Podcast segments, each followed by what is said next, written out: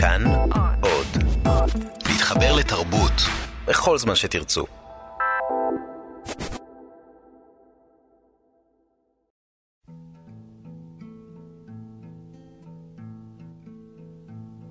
עולה נגמש על קו רקיע ומתנמנמת הדובה על בטן מלאה קליע ארץ ארץ חבובה שלום לכם מאזינות ומאזיני כאן תרבות. אנחנו בתוכנית מיוחדת ליום הזיכרון לחללי מערכות ישראל ונפגעי פעולות האיבה. בשעתיים הקרובות נדבר על כתיבה של חיילים ואנשי שירות הביטחון מן החזית, משדה הקרב, מן השירות שלהם. כתיבה שמאבדת את החוויות העזות, שעוזרת לשמור על קשר עם עצמם, לזכור מי הם ומה חשוב להם, בשעה שהמציאות סביבם נעה בתזזית, הופכת להיות מורכבת ולעיתים קרובות גם מאיימת. איתי בצוות התוכנית המפיק עומר מנחם שליט, כאן באולפן שירי לב-ארי, ואתם מוזמנים להיות איתנו בשעתיים הקרובות. יורד הכוח אל העין למצוא מסתור, למצוא מלון והדובה עוצמת עין ומתהפכת בצפון בבוקר יום כיפור, 6 באוקטובר 1973, נאלצו מאות אלפי חיילים ישראלים לעלות על מדים ולצאת לשטח. סמארטפונים לא היו בידיהם, ודרך ההתקשרות השכיחה עם הבית, שאותו לא ראו למשך שלושה שבועות ואף יותר, הייתה מכתבים. הצנזורה עברה על כל המכתבים הללו כדי לוודא שלא נחשפו פרטים חסויים מתוך הלחימה. המכתבים לא רק תיעדו את החוויות שעברו הלוחמים, הם גם ביטאו את תחושותיהם, את תחושת ההלם, את הפחד, את הגעגוע. בארכיון צה"ל הצטברו הרבה חומרים ארכיוניים בעלי ערך היסטורי וגם ערך אומנותי.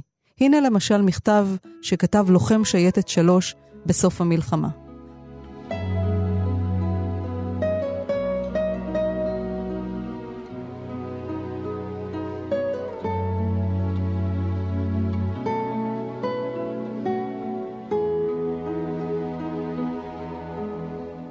החיים פה הם קשים מאוד, אך המורל גבוה.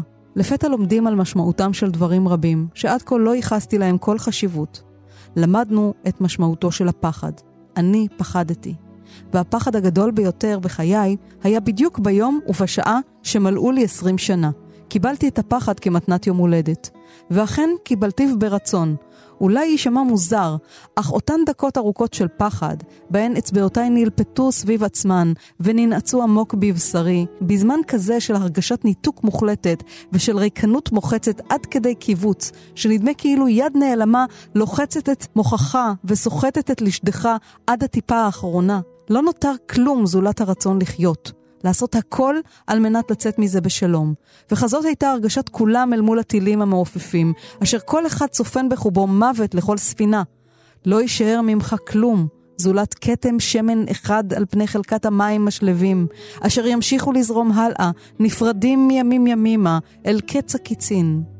אך לא, לא רוצה להרהר בזה כעת. זולת זאת שבאותם רגעים לא חשבתי על זאת, פשוט המוח היה מנותק מכדי לחשוב כך. רק תודעת החיים עדיין הייתה מהפכת בי, מתוך ידיעה ברורה שכולם, ואני בתוכם, נצא מזה רק אם נמלא את תפקידנו כהלכה.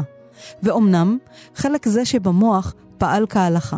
ובאותם רגעים של פחד קר, ראיתי כל הסובב אותי בפרטי פרטים ברורים ומדויקים, וחדים עד כדי כאב, כאילו היה אי בזה אור חזק, חזק מכל אור אשר ידעתי, עד כדי לסמא את העיניים. די, חלאס, אפסיק את התיאור המעצבן הזה. בכל אופן, מה שרציתי לומר רק זאת, הפחד הוא שהקנה לנו את כל הדברים שכתבתי בהתחלה, את הניצחון. כך כתב לוחם שייטת שלוש בסוף ימי מלחמת יום הכיפורים.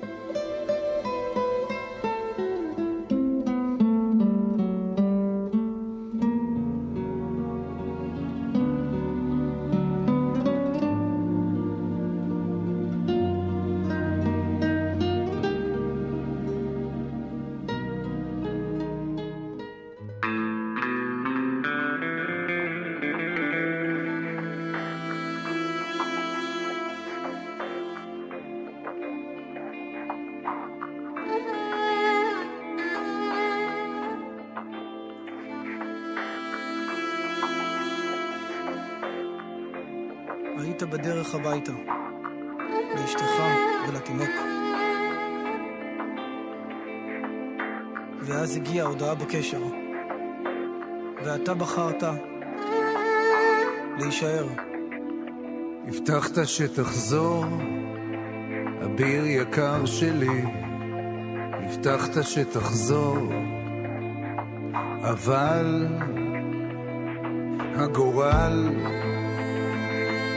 רצה אותך, אביר יקר שלי.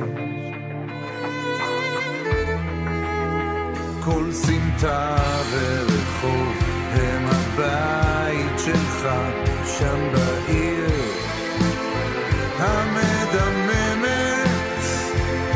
ואתה הבטחת שתחזור. עמוק עמוק שם נמצאת דמותך מנותקת ממציאות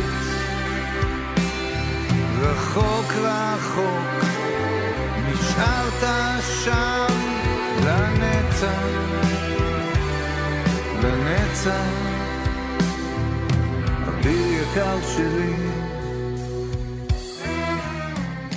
הבטחת שתחזור, את המילים האלה כתב אורן אור ביטון, הלחין ושר אה, ישראל כסיף. שלום, אה, אורן אור ביטון כאן איתנו באולפן. שלום, שלום לכולם. אורן, אתה כתבת ספר שנקרא חבית נפץ, והוא מבוסס על זיכרונות שכתבת מן השירות הצבאי שלך. היית חייל ביחידת ימ"ס, יחידת המסתערבים של אה, משמר הגבול, באינתיפאדה הראשונה. התגייסת ב-1989, השתחררת ב-1992, וכבר לא היית אותו אדם. נכון, נכון. אה, התגייסתי בעיצומה של אינתיפאדה ראשונה ב-89, אה, שירתתי במשמר הגבול, ביחידת המסתערבים, שימשתי כלוחם ומפקד בצוות. הייתה תקופה מטורפת, אה, אני זוכר אותה תקופה של המון המון אירועים, עבדנו 24-7 סביב השעון. היחידה שאבה אותי לתוך אה, עולם שלא הכרתי לפני, אבל אה, אני התגייסתי מתוך גאווה, ועד היום אני מאוד גאה בזה ששירתי ביחידה כזו, זו יחידה שלוחמים שם עושים המון למען אזרחי מדינת ישראל, מונעים טרור. לצערי הרב גם נפצעתי ביחידה. אנחנו מדברים בעצם על השירות שלך, שאתה נכנס אליו כשאתה בין הזקונים, אה, מתוך משפחה אה, עם כמה וכמה אחים, שגם הם אה, שירתו ביחידות קרביות, ואתה משאיר את אימא בבית והולך לעשות דברים שאתה לא יכול לספר לה עליהם. אולי נקרא קטע מתוך הספר. סמוך לכיכר מנרה ברמאללה, מקפידים לא למשוך תשומת לב. מסתובבים באזור הפעולה כמו לוחמים מן השורה, מדי מג"ב, ג'יפ צבאי, לא מישירים מבט, שלא יזהו את פנינו. זה השטח שלנו, המגרש שבו אנו פועלים. זיהוי עלול להיות גורלי, מסוכן, בהיתקלויות. נסיעה כזו בלב כפר הייתה פעם מקפיצה את הדופק. התחסנתי, הפחד אינו קיים. שבים לבסיס. פסק זמן ממשימות רכבים. מפקד היחידה, אלי אברהם, שולח אליי קריאה להגיע למשרדו. אני נכנס, מביט לתוך עיניו הרציניות. מבטו חודר. זה לא קשיחות או דיסטנס בין חייל עם מפקד. אני מכיר את המבט הזה. שולח מבט קצר אל שולחן המפקד ומבחין בבקשה לביצוע משימה בשטח. לכל מקום שיבקש, אלך בעיניים עצומות, סמוך ובטוח. הוא יוביל נכון, מדויק, ידאג שלא ניפגע. ואתה מתחיל בעצם את השירות שלך, ונכנס לתוך לב ליבם של העניינים ביהודה ושומרון, וחווה דברים לא פשוטים שאחר כך מביאים אותך לסיוטים בלילות. היום אתה, אורן, משמש כיושב ראש עמותת טראומה פור גוד, שמסייעת להלומי קרב, mm-hmm. ואתה בעצמך הוגדרת ככזה וגם הוכרת ב-2008. כל הנושא הזה של פוסט-טראומה, אני חייב לציין שאני לא ידעתי אותו, לא, לא שמעתי על זה, לא ידעתי מה זה PTSD אף פעם. זה נושא שהוא היה, שהוא למעשה חדש לחלוטין מבחינתי. את יודעת, לוחם מתגייס לצבא, ביחידות כאלה אנחנו מתנדבים. אנחנו יודעים לקראת מה אנחנו הולכים, אבל לא יודעים בטוח אה, לפרטים. אה, ליחידה, אז אה, כמובן, כפי שאמרתי, נשאבתי לתוך הנושא הזה של הטרור, ומבחינתנו עבדנו על משימות אה, במטרה לעצור מחבלים. לעצור מחבלים שאת יודעת, רוצים להגיע לערים שלנו ולבצע פיגועים. עבדנו והיו לנו הצלחות די טובות, שהיו שם יחידות נוספות כמו דובדבן, שעשו עבודה נפלאה, שייטת ומטכ"ל ועוד יחידות אחרות.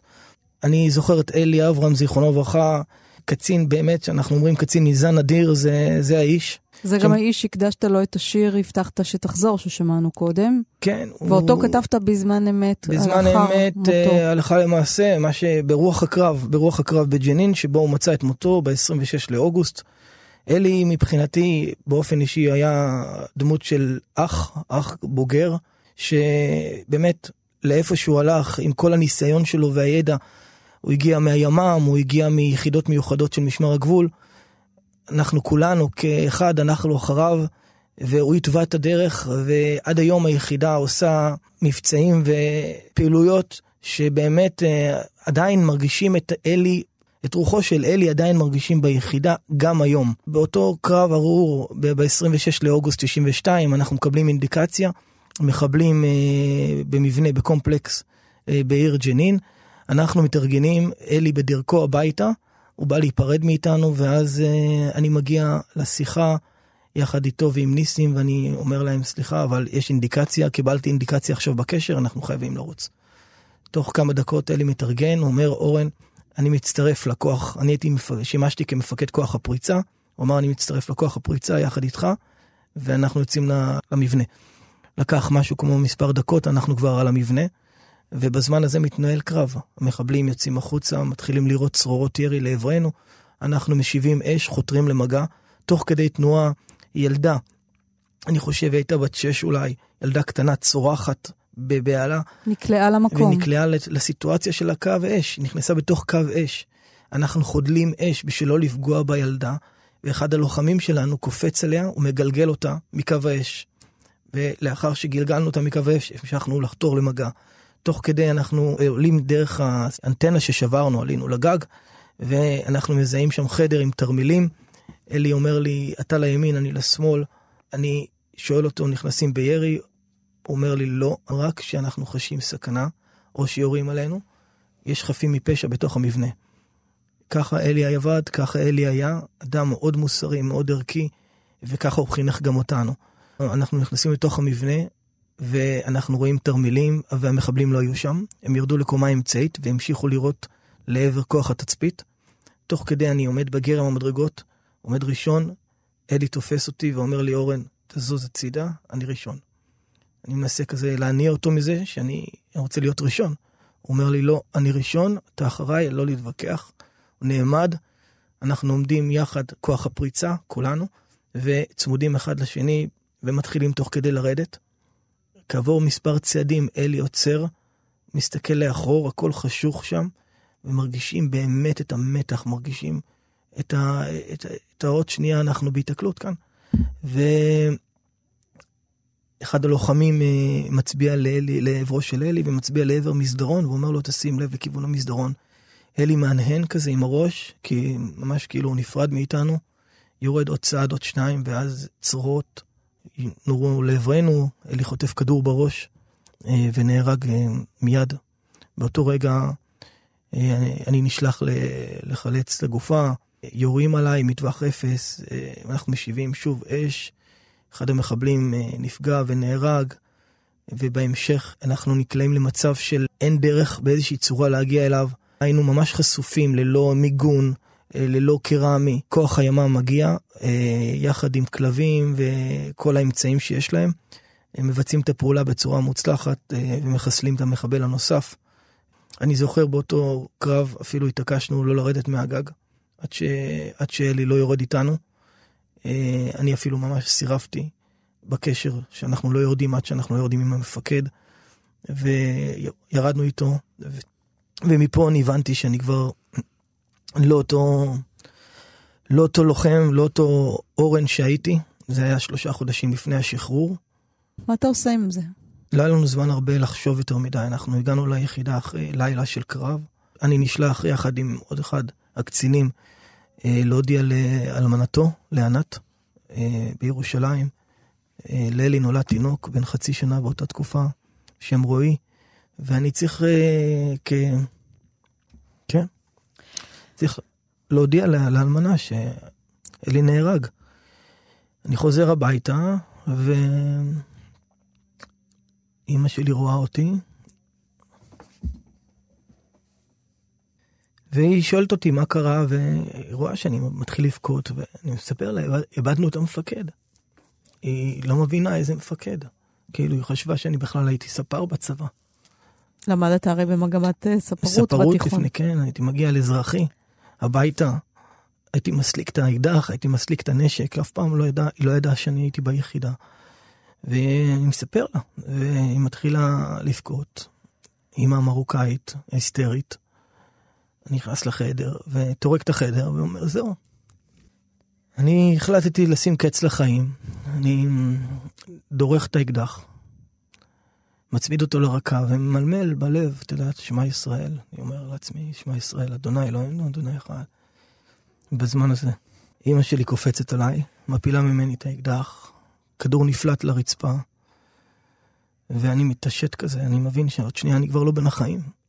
והיום, אני מבין באיזה איזה סיטואציה הייתי. היום אני עדות חיה, היום אני עדות שיכולה לספר ללוחמים, למפקדים, למקבלי ההחלטות. אני יכול לבוא ולספר, ואני יכול, לומר, כשאני הייתי בן 20, 21, אני כבר הייתי כחוט השערה בעולם הבא. אני כבר ויתרתי על החיים. ואני רוצה להגיד לכם שהיום אני עם ארבעה ילדים.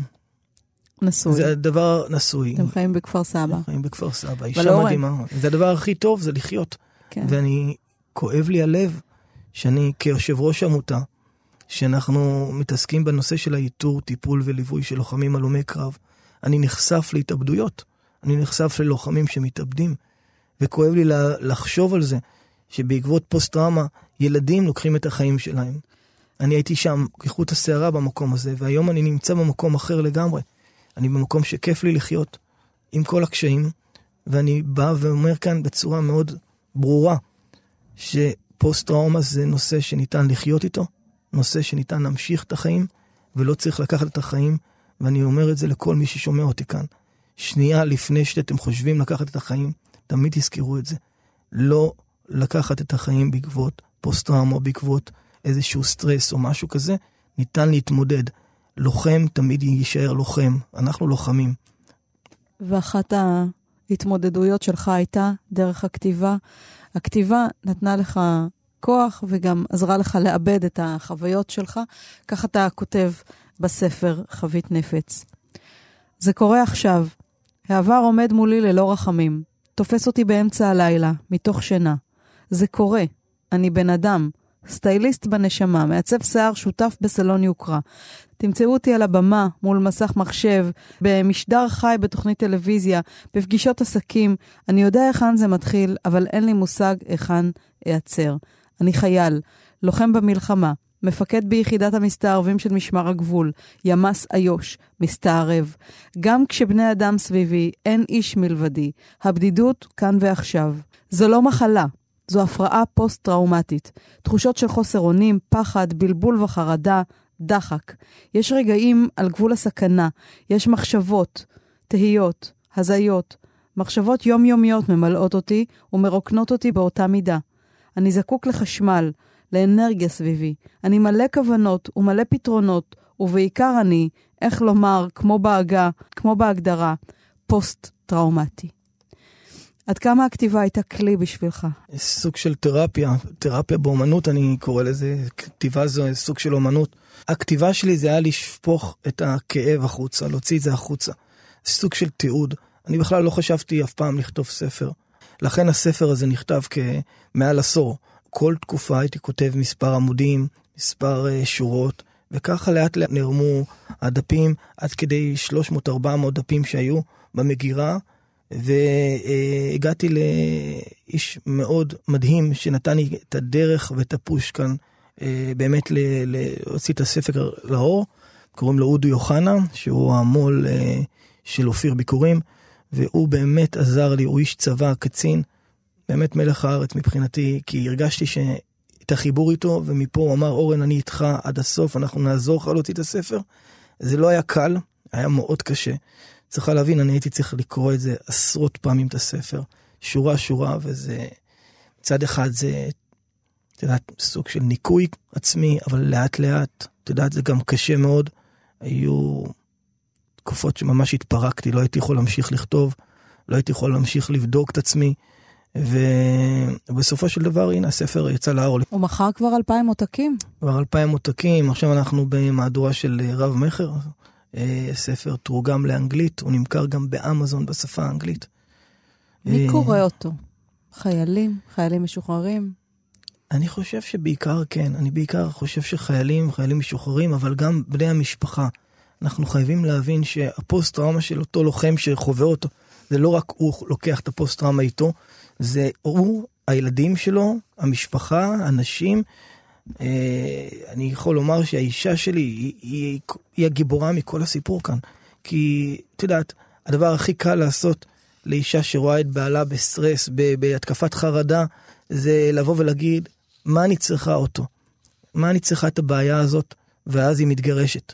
וכשהיא מתגרשת, ילדים מתפרקים, משפחה מתפרקת, ואז אותו הלום קרב ממשיך לחפש את עצמו, ואת יכולה למצוא אותו או שהוא מידרדר לעולם של הסמים, או אלכוהוליזם, או אלימות, או שיש לי חברים מהיחידה שפשוט מאוד נצמדו למשפחות פשע כמאבטחים, כי זה מה שהם יודעים לעשות, הם מאבטחים, הם היו סוג של אה, כל יכול ביחידה, ואת הכישורים שלהם הם נצמדים למקומות כאלה אפלים. אחרי תקופה, את יודעת, ארוכה, הם מתחילים להבין שזה לא המקום, והם יוצאים מהעולם הזה, ויש לי חברים כאלה שהם היו שם, הם כבר לא שם, וכואב הלב לראות אותם, אני זוכר אותם כלוחמי על.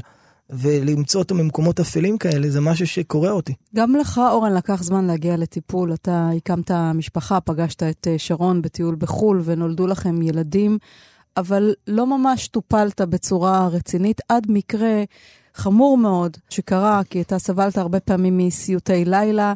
לילה אחד, בתוך סיוט חוזר ונשנה על לחימה קשה, אתה כמעט חנקת את בתך. כן, זה אירוע שגרם לי להבין ש... אם אני לא מטפל בעצמי, אני עלול לגרום נזק לא רק לעצמי, אלא גם למשפחה, לילדים. אני חזרתי מהעבודה, הייתי בבית, ב... ישבתי מול הטלוויזיה, אשתי הייתה בחוץ. הילדים היו ישנים, אה, בתי הייתה בת שבע, משהו כזה. ילדה קטנה. היא קמה כנראה לשירותים או משהו כזה, והיא ראתה אותי בסלון. אני נשאבתי לתוך הסיוט של הקרב ש... שבו אלי מצא את מותו. אני, אני זוכר שאני מרגיש שאני נחנק ונשרף תוך כדי אש ועשן, ואני מריח את הריחות, ואני מרגיש את עצמי בתוך סיטואציה של הקרב. ואני מרגיש שמישהו חונק אותי, ואני חונק בחזרה, אינסטינקטיבית. ואני, מתוך זה שאני חונק בחזרה, אני שומע חרחורים, פותח את העיניים, אני רואה שאני חונק את הבת שלי. אני חונק את הבת שלי, וכמעט הרגתי אותה באותה שנייה. היא... היא משתעלת ממש, ולוקח אותה איתי למקלחת, שוטף לה את הפנים, שוטף לעצמי את הפנים, ואנחנו... אני מתפרק, אני מתפרק פה. אשתי מגיעה ואומרת, או שאתה מרים טלפון לעופר בר יהודה, שהוא שימש כפסיכולוג קב"ן של היחידה באותה תקופה, שיטפל בך, או שאנחנו פשוט מאוד מתגרשים. כבר זה היה קטע של צומת. ימינה או שמאלה, תחליט מה אתה רוצה.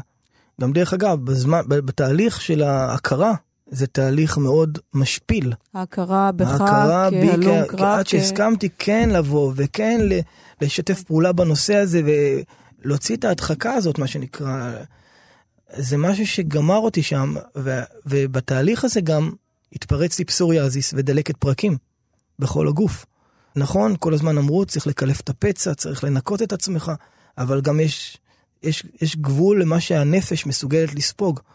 וכשאני קיבלתי כדורים פסיכיאטריים, ישר הלכתי לגוגל ונכנסתי פנימה, ובדקתי מה התופעות לוואי ומה הכדורים האלה שקיבלתי, והבנתי שזה לא כדורים לפוסט-טראומה בכלל, זה כדורים אה, נוגדי דיכאון, זה כדורים אה, של אה, כאלו שסובלים ממחלות נפש כגון מני דיפרסיה, סכיזופרניה וכיוצא בזה.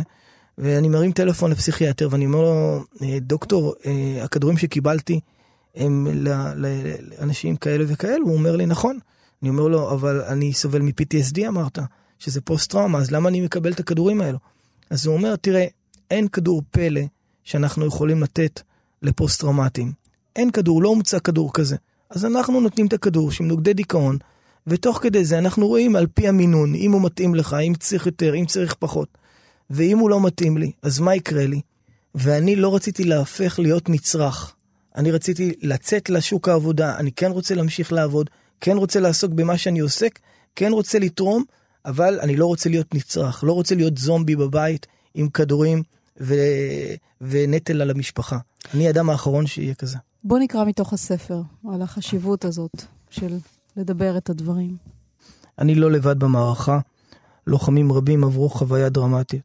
מצבים נחרטו עמוק בזיכרונם במהלך שירותם הצבאי, והם עוברים סבל וקושי פנימי, לא פחות ממני. כל אחד מנהל שגרת חיים בדרכו, אבל המסע שלנו כמעט זהה, משותף, גורלי. אנחנו נפגשים כדי להיות יחד, לשחרר את המועקות, וכך ערב אחד יזמתי פגישה לחברים מהיחידה. אלה לוחמים שעברו את גיל ה-40, חלקם נשואים וחלקם גרושים, חלקם הורים לילדים וחלקם ללא ילדים, הנמצאים שנים רבות בהתמודדות עם הפרעת פוסט-טראומה. לא רוצה לחשוב על האפשרות שבה הייתי עובר את המסע של חיי לבד, ללא משפחה וילדים. אבל לא אצל כל אחד מאיתנו זה עובד. ישנם כאלה שנותרו רווקים, והקושי היומיומי משמעותי. אני מרגיש שאנשים מחזקות אותנו. יש משהו מרגיע במפגשים האלה, משהו שמחבר אותנו למציאות, אף על פי שאנחנו חוזרים אחורה בזמן. משחררים לחצים כמו שרק אנחנו יודעים לעשות, ומבחינתי כל, מח... כל מפגש נחשב טיפול. משפר את ההרגשה. לצופה מהצד שיקשיב להלך הרוח במפגשים, ייגרם זעזוע. הסיפורים והדרך שבה אנו מעלים סיפורים הם, איך לומר בלשון עדינה, רועשת. אנחנו חופרים בעבר הצבאי בקולי קולות.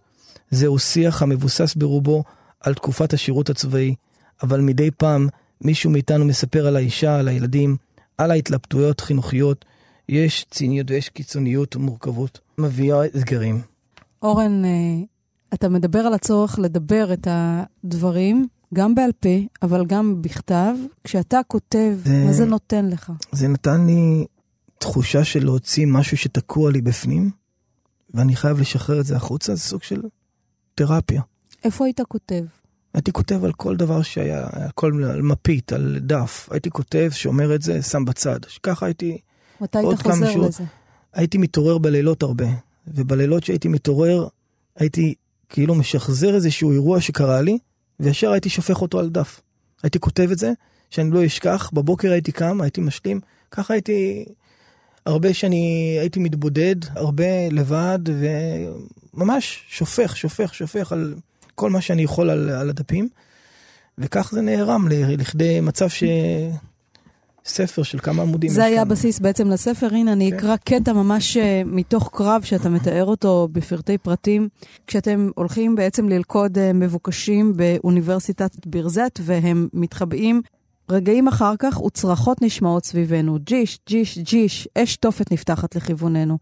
אני משיב אש למקור הירי ומזהה פגיעה ואז נפסק הירי. מאותו רגע מתפתח הכאוס. במרחק עשרה מטרים ממקום הסגירה שלי אני מזהה בחור צעיר שקופץ מעל חומת האוניברסיטה ומנסה לחמוק מאיתנו. אני רץ לעברו, מזנק עליו וחובל אותו תוך כדי מאבק קצר. אלי חובר אליי, ויחד אנחנו גוררים את המחבל לרכב החילוץ. כוח הסגירה מדווח בקשר שמבוקשים נוספים מנסים להימלט תוך כדי קפיצה מעבר לחומה. הכוחות חוברים אליהם, אוזקים אותם ומביאים אותם לרכב. מכאן הכל הופך מתוכנת. מהלך אוטומטי ידוע מראש. הפעילות הרועשת גורמת לתושבים להגיב ולהתפרע. פורצות צעקות, אללה אכבר, אללה אכבר. תוך כדי כך מתחילים להשליך עלינו אבנים, בקבוקי תבערה המנסים לירות לעברנו. המוטיבציה לפגוע בנו מטורפת. אנשי שב"כ פועלים לצידנו ומשדרים ברמקול כריזה למחבלים המבוקשים שיבואו להסגיר את עצמם. חלק מהמחבלים יוצאים מהמתחם וידיהם מונפות מעלה בכניעה. כוח פריצה מתחיל לנוע פנימה לתוך המבנה תוך שימוש בגז מדמיע ובאמצעים נוספים לפיזור הפגנות. במהירות רבה אנו משיגים שליטה. השב"כ מדווח על מבוקשים שנצפים מסתתרים בתוך ההמון. תוך כדי סריקות בשטח אנחנו אוספים אמצעי לחימה, נשקים ותחמושת רבה המוכנה לשימוש. המבצע מסתיים על הצד הטוב ביותר, בלי לגרום אבדות בנפש. ביצוע לצד השב"כ גורם גאווה גדולה לצוות וללוחמים. מה שאנחנו מסוגלים, אני חושב, אחרים לא מסוגלים לו. יכולת ההתעמות, התמרון, התקיפה, האלתור, זיהוי מטרות בשטח, שימוש מושכל בנשק ובכוח, מקצוענות לשמה. פעולה סטרילית שעברה ללא תקלות. שבחים ומחמאות מגיעים אלינו מהמח"ט ומכל עבר. שלב ראשון בסיכול מקיף זו לכידה, ואחריה סלולה הדרך לשב"כ. ציפורים מצייצות אחרי שהן נכלאות, יודע כל מבוקש שנתפס. אורן, אתה אחרי השירות והשחרור שלך מצה"ל, הוספת לשם משפחתך את המילה אור. כן, אני אורן ביטון. כל חיי וכל החיים אני אשאר אורן ביטון. את השם הנוסף שהוספתי למשפחת ביטון זה את אור. היה לי איזשהו הסכם עם הקדוש ברוך הוא שאם אני יוצא חי בימי היחידה הזאת, אז אני אוסיף את השם אור למשפחה, וכך היה. כך היה, שהשתחררתי, הגשתי למשרד הפנים והוספתי את משפחת אור לביטון. אורן אור ביטון, חבית נפץ, ספר שראה אור בהוצאת אה, אופיר ביקורים. תודה רבה לך על השיחה הזאת. תודה רבה לך ולכל המאזינים שלנו. תודה רבה לכם.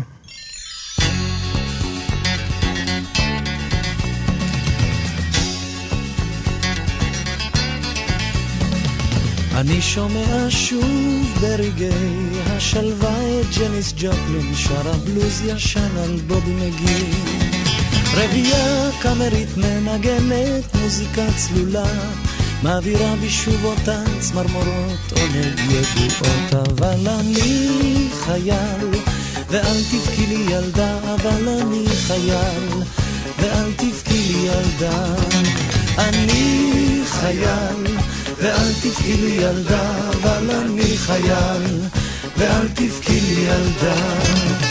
אני מוסיף ללכת, מוסיף בשביל הצר, מושך במעלה הדורות רב החתחתים.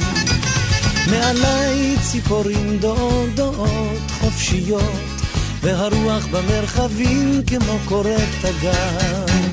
אני חייל, ואל תבכי לי ילדה, אבל אני חייל, ואל תבכי לי ילדה, כי אני חייל, ואל תבכי לי ילדה, אבל אני חייל, ואל תבכי לי ילדה. אהבתי רגעי זיכרונות וגעגועים טרופים על השולחן, סיפורים של צ'כוב, כאבן שאין לה הופכים, כי אני הוא אדם המחופש לחייל, כפות בכתונת משוגעים, אז פחי לי ילדה על רגעי הבדידות, ובכי לי ילדה לציפיות על השנים, ובכי על שני לבבות אוהבים ורחוקים.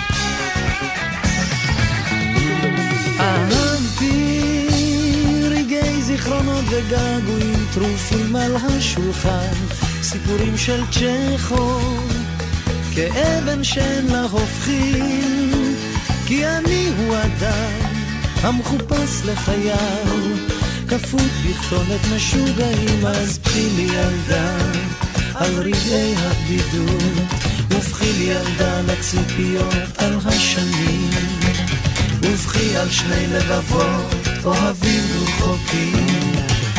שומע שוב ברגעי השלווה את ג'ני ג'פלין שרה בלוז ישן על בובי מגי רבייה קאמרית מנגנת מוזיקה צלולה מעבירה בשוב אותן צמרמורות עונג ידועות אבל אני חייל ואל תבכי לי ילדה אבל אני חייל ואל תבכי לי ילדה.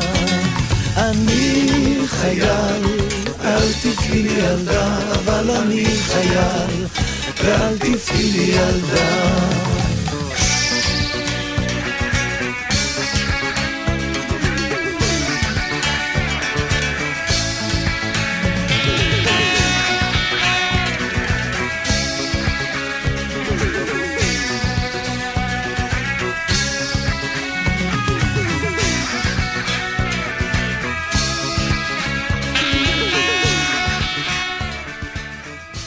עידן. נולדתי בשנת 1986 בעיר כרמיאל. יש לי הורים מקסימים ושני אחים, אח גדול ואחות קטנה. למעשה אני הסנדוויץ'. התגייסתי ליחידת אגוז ושירתתי בה מנובמבר 2004 ועד לנובמבר 2007. מן הראוי לציין שגם אחי שירת באותה יחידה ובאותה פלוגה, ואף שירתנו תקופה מסוימת יחד. היה לי חלום לטוס לדרום אפריקה, שם חי דוד שלי ושני בניו שהם בני גילי. כשלושה חודשים לאחר שחרורי מהצבא, טסתי לשם עם הוריי ואחותי. טסתי במטרה להגשים את החלום. טיול זה אמור היה להיות הטיול שמקדים את הטיול הגדול שאחרי הצבא. טיילנו, גילינו, צחקנו ובילינו. לאחר שלושה שבועות של טיול משותף, חזרו הוריי ואחותי לארץ ואני נשארתי עם בן דודי לשבועיים נוספים. בדרכנו לפגוש את הפנגולין במדבר קלהרי שבנמיביה, התהפך הג'יפ שבו נסענו ונפצעתי אנושות. שקעתי בתרדמת שנמשכה שנה וחצי, במהלכה הועברתי בין בתי חולים שונים, בתקווה שיום אחד אקום ואממש את הנס שעליו חלמנו אני ומשפחתי. תהליך השיקום נמשך עד היום, ואני עדיין נאבק לחזור לחיים נורמליים ככל שאפשר במסגרת המגבלות. האמת היא שלא התכוונתי לדבר על עצמי, אלא להציג בפניכם את יומן המלחמה שכתבתי. במהלך שירותי הצבאי לקחתי חלק במלחמת לבנון השנייה, שפרצה ביולי 2006, סמוך למועד סיום המסלול שלי ביחידה. במהלך המלחמה רשמתי לעצמי בפנקס קטן ובכתב צפוף יומן המתאר את המלחמה מנקודת המבט שלי. היומן נכתב כיומן אישי, ולא הייתה לי כל כוונה לפרסם אותו. משום כך נמנעתי מלשתף בו מי מבני משפחתי או מבין חבריי, ואף לא איש מבין שותפיי לצוות. רק אחרי שנפצעתי, באזכרה לחברי נדב בלוה שנהרג במלחמה, סיפר לי אבא על קיום היומן הזה. נראה שבזמן התרדמת, תוך סידור החפצים שלי, נתקלו בו. עקב התאונה נפגע מאוד חוש הראייה שלי, וכן נפגעה המוטוריקה בקשר יד-עין. כחלק מתהליך השיקום שלי, מצאה עימי לנכון לחדד את חוש הראייה שלי באמצעות כתיבה במחשב. התהליך היה הדרגתי ואיטי מאוד, התחלתי ללמוד את המיומנויות כמו ילד שזה עתה נכנס לכיתה א', אך אין לשכוח את מוגבלויות הראייה והמוטוריקה שלי שהתווספו לקשיי הלמידה. היומן זכה להתלהבות רבה מצד חבריי, לצוות ומצד משפחתי, ועל כן החלטתי להעלות אותו כיומן רשמי שלי מהמלחמה. שלום לעידן ברקן. שלום. אתה כתבת יומן בזמן השירות שלך במלחמת לבנון השנייה, בקיץ 2006. ספר איך עלה בדעתך לכתוב את היומן וגם איך כתבת אותו, באילו תנאים. הסתכלתי על החברים לצוות וראיתי את מי לשתף במעמקי ליבי. אני לא יודע למה חזרתי לכך, בחינוך חינכו אותנו כך, לכתוב יומנים. לא חינכו אתכם לכתוב יומנים, אתה היית עם חבריך לצוות ופתאום החלטת להעלות דברים על הכתב? מה, מה זה פתאום? חייב לשתף, חייב לשתף מישהו. חייב לשתף מישהו. חייב לשתף מישהו. כן. באיזה תנאים כתבת? לנו בשטח. מה, היית הולך הצידה ויושב וכותב? לא, פיקס בכיס בעת, וכל עצירה, כל לוחם בעצמו. כמו שאמרתי, אין לכם לדבר כל כך. או שיש צחוקים ודחקות לכל האחים, או, או שאתם עצמך. או שיש צחוקים ודחקות עם כל האחים לצוות, או שאתה עם עצמך. נכון. וכשהייתי עם עצמי, אמרתי חייב לעשות משהו כדי, כדי לנקות את הראש מהמצב. במלחמה כל שנייה יכולה, יכול להתפתח קרביות או משהו, אתה לא יודע אם תשרוד את בכלל. כל רגע יכול לקרות משהו, אתה לא יודע אם אתה יכול לשרוד בכלל, ואתה מנסה לנקות את הראש? כן. איך מנקים את הראש? נכנס לעולם משלך פשוט. אתה נכנס לעולם משלך פשוט. כן. והנה בשישה ביולי 2006 אתה כותב, הפלוגה נמצאת יחד עם מרבית חיילי היחידה בבסיס ג'למה, שומרון. בג'נין. כן. בג'נין. זה בג'נין. אנחנו לוקחים חלק בפעילות השוטפת, מעצרים, מחסומים ופעילות יזומה. בשעות הבוקר אירעה החטיפה בצפון. זו אותה החטיפה שהתחילה את מלחמת לבנון השנייה. ידיעות מן התקשורת ומגורמי הצבא זורמות אלינו ללא הרף. המילה שמרחפת באוויר היא מבצע. אנחנו נמצאים זמן מה אחרי חטיפת גלעד שליט. החטיבה נמצאת בתוך עזה בפעילות גשמי קיץ, ואנחנו מתחילים להעלות השערות לגבי הצפוי לנו. מצטרפים לחטיבה בדרום, עולים לצפון. צפון, אנחנו אגוז, לבטח נעלה צפונה. לקראת ערב מגיעה ההחלטה. עולים צפונה, קודם לשרגא, ומשם כבר נראה לאן נתגלגל. מקפלים את הפלוגה ומתחילים בהעמסות המתישות כשפנינו צפונה. כך אתה פותח את היומן, עידן. ככה זה באמת הכל התחיל. בכלל, היינו הראש שלנו עם הראש בדינים. פעילות שונה, שונה לגמרי בדינים. ואז אתם אה, מגיעים אה, לשרגא, אתה כותב, האווירה שונה לחלוטין. החטיפה הנוכחית שנוספה על החטיפה הקודמת בדרום מייצרת תחושה שחייבים לעשות משהו. לקראת ערב נודע מהו יעד המשימה, כפר רג'ר. רג'ר הוא כפר ידוע ביחידה, וכל צוות חווה אותו במהלך השירות באופן כלשהו. את יודעת מה זה רג'ר? ספר. זה הכפר שהוא חצי בישראל, חצי בלבנון. אז שמה מרוויחים המון טעמים לארץ. כן. לכן, לכן היחידה נמצאת שם המון, וגם הגזרה של היחידה, כי את יודעת, סמים, מרוויחים סמים, אז משלמים בכלי נשק וכסף לחימה. וכאלה. כן, מבריחים סמים לישראל ובתמורה נותנים להם נשק ולכן יחידות צבאיות... או להפך. או להפך. אז אתה כותב, בכותרת נשמע דבר מסעיר, אך למי שמכיר, אין זה סיפור מורכב מדי. מתחילים להתארגן ולקראת לילה נכנסים לחלקו הצפוני של הכפר. ואז אה, למחרת אתה כותב רג'ר בידינו. אנחנו ממוקמים בבתים הצפוניים של הכפר, מנהלים סבבי אבטחה ומחכים להוראות. נראה שאין לצבא הרבה מה לעשות פרט לשהייה במקום. רבים מגיעים לבקר במהלך היום ומתייעצים לגבי ההמשך. עידן, ואז אתה כותב באמת את כל קורות המלחמה, וגם כותב על חבריך לצוות, על אלה שאיבדת.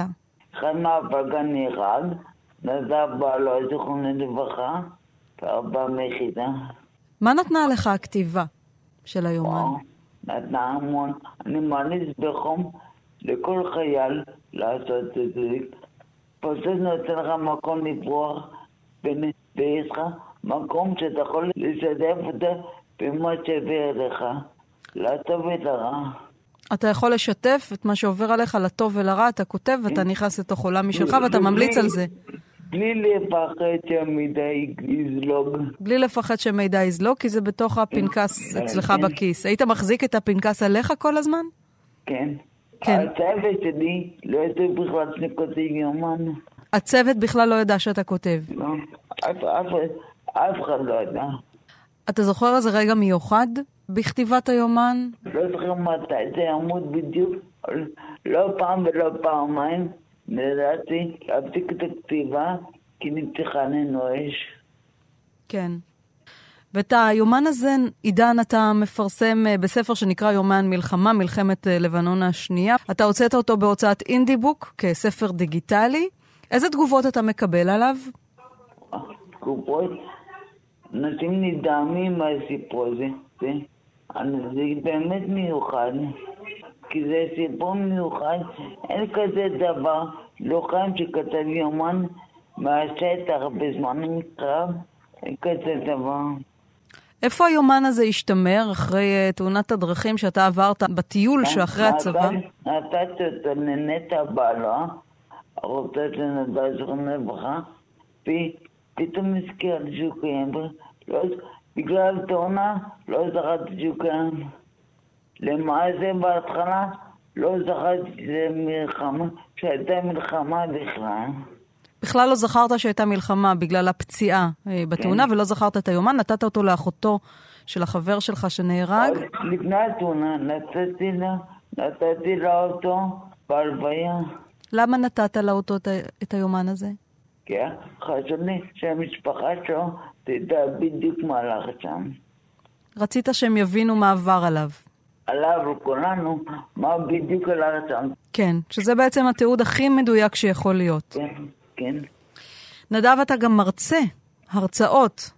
נכון. על מה אתה מרצה? ההרצאה- מה חשוב לך ההר- להגיד? ההרצאה שלי נקראת מקום הלקימה, ואני משתפת קהל המאזינים, ועל כל צבא שלי, השירות ביחידה, ביחידת אגוז, אחרי זה פיתחי צבא, תאונה, פציעה, שיקום וטיפה למנוענו. ההרצאה נקראת מקום הלקימה. ההרצאה נקראת מקום הלקימה. ראיתי בקומה שנה וחצי, שנה וחצי. כן. והנה אתה כותב מתוך הקרבות ב-21 ביולי 2006. העלייה לכפר הייתה נוראית. היינו עמוסים בציוד כבד, והייתה זו שעת צהריים חמה. אם איני טועה, עלינו בסביבות השעה אחת. קפצנו, קפצנו לשם, הוא קפצנו לשם, העירו אותנו, אמר לנו, חבר'ה לקום, קורץ למגלן, להסתעבר, חייבים לרצות לעזור להם. אז טיק טק עלינו הציוד, ובנו מהבסיס ללבנון. כן, הקפיצו אתכם באמצע השינה. אתה כותב את זה ככה.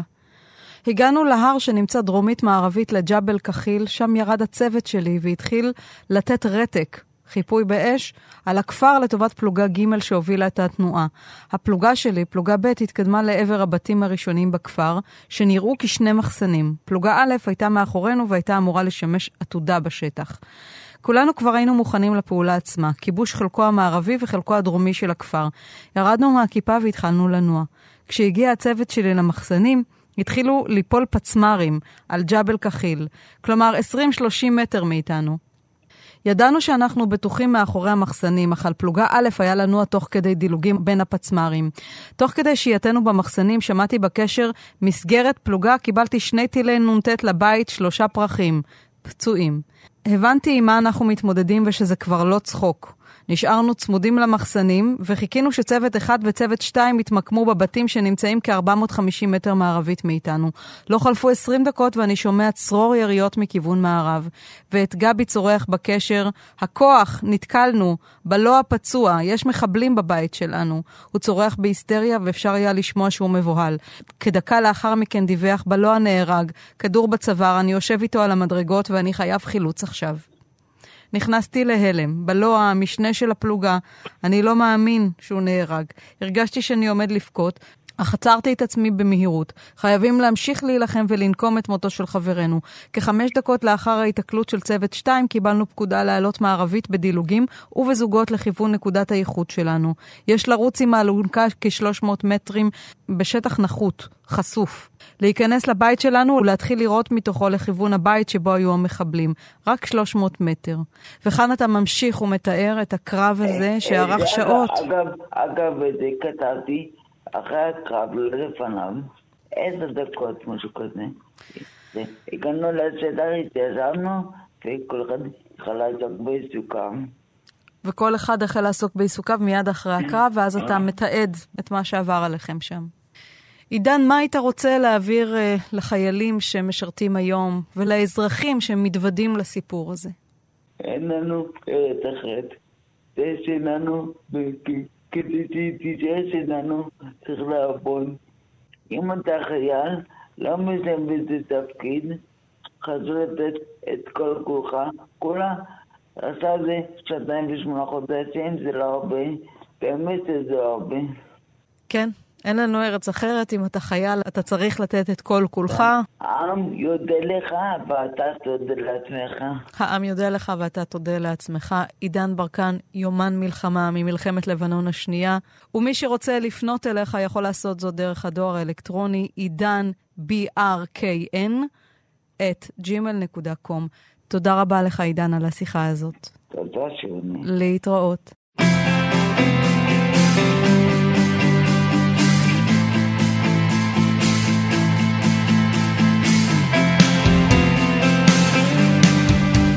זחלתי, בגדיי דבוקים, בזיעה ודם, יריות ורימון שנדם.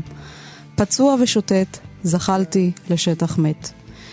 שריריי עייפים ממלחמת אלפי עיניים ושמש יוקדת. פצוע ושוטט, זחלתי לשטח מת. הפקרתי, השארתי להם הכל, זחלתי, עד גבול הרעש הגדול.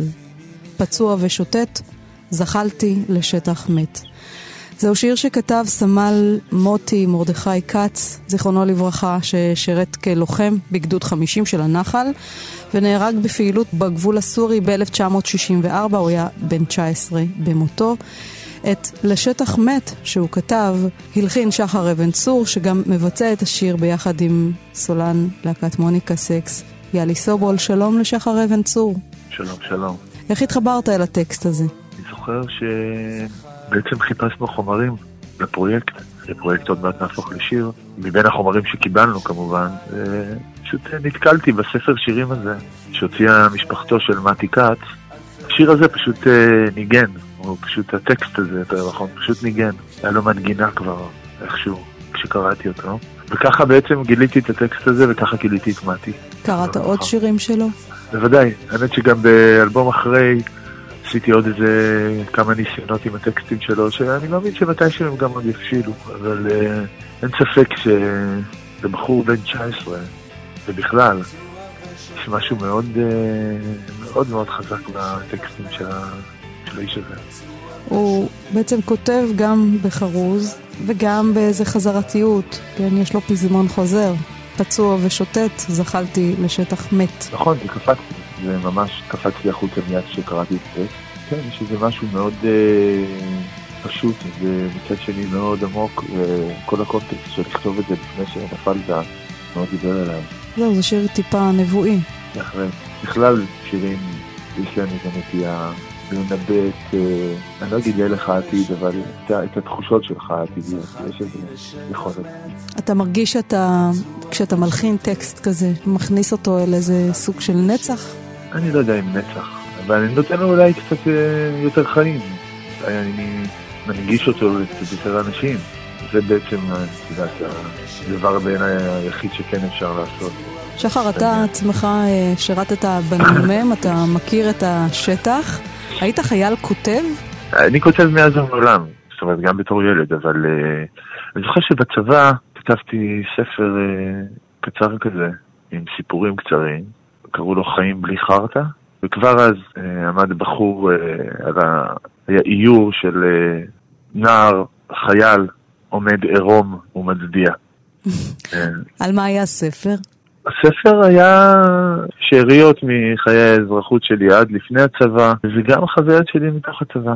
אה, מין סיפורים קצרים כאלה ואחרים שהשורה התחתונה שלהם היא לצורך העניין משהו מאוד uh, מחוספס. זה חספוס, היה בו איזשהו חספוס. אפילו אני זוכר שנתתי לאבא של אה, יאלי, ליהושע סובול, לקרוא את זה, והוא uh, מצא את עצמו משועשע מאוד. חשבת לעשות עם זה משהו? להלחין משהו מהדברים שכתבת לא, כחייל? לא, האמת שלא, זה נשאר שם, יש עותק אחד מודפס אצל ההורים שלי בבית. זה כזה, כן, זה משהו כזה בוסרי, פנימי. חיים בלי חרטא. כן. שחר אבן צור, תודה רבה לך על השיחה הזאת. תודה לך. עד כאן השעה הראשונה של התוכנית המיוחדת ליום הזיכרון, כותבים מן החזית. איתי בצוות התוכנית עומר מנחם שליט, כאן באולפן שירי לב-ארי. נחזור אליכם מיד לשעה נוספת. זכרתי בגדיי דבוקים באיזה אבדה יריות ורימון שנדם. שריריי עייפים ממלחמת אלפי עיניים ושמש יוקדת. פצוע ושוטף זחלתי לשטח מת פצוע ושוטף. זחלתי לשטח מת הפקרתי השארתי להם הכל. זכרתי עד גבול הרעש הגדול. שריריי עייפים ממלחמת אלפי עיניים ושמש יוקדת. פצוע ושוטט, זחלתי לשטח מת, פצוע ושוטט, זחלתי לשטח מת. פצוע ושוטט, זחלתי לשטח מת, פצוע ושוטט, זחלתי לשטח מת.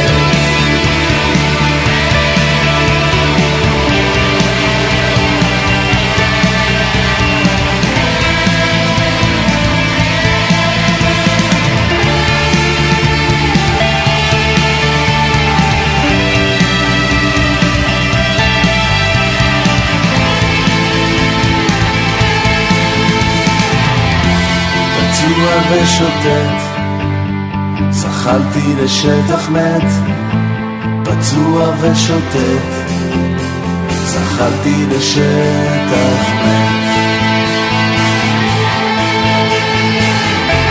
פצוע ושוטט, זחלתי לשטח מת, פצוע ושוטט, זחלתי לשטח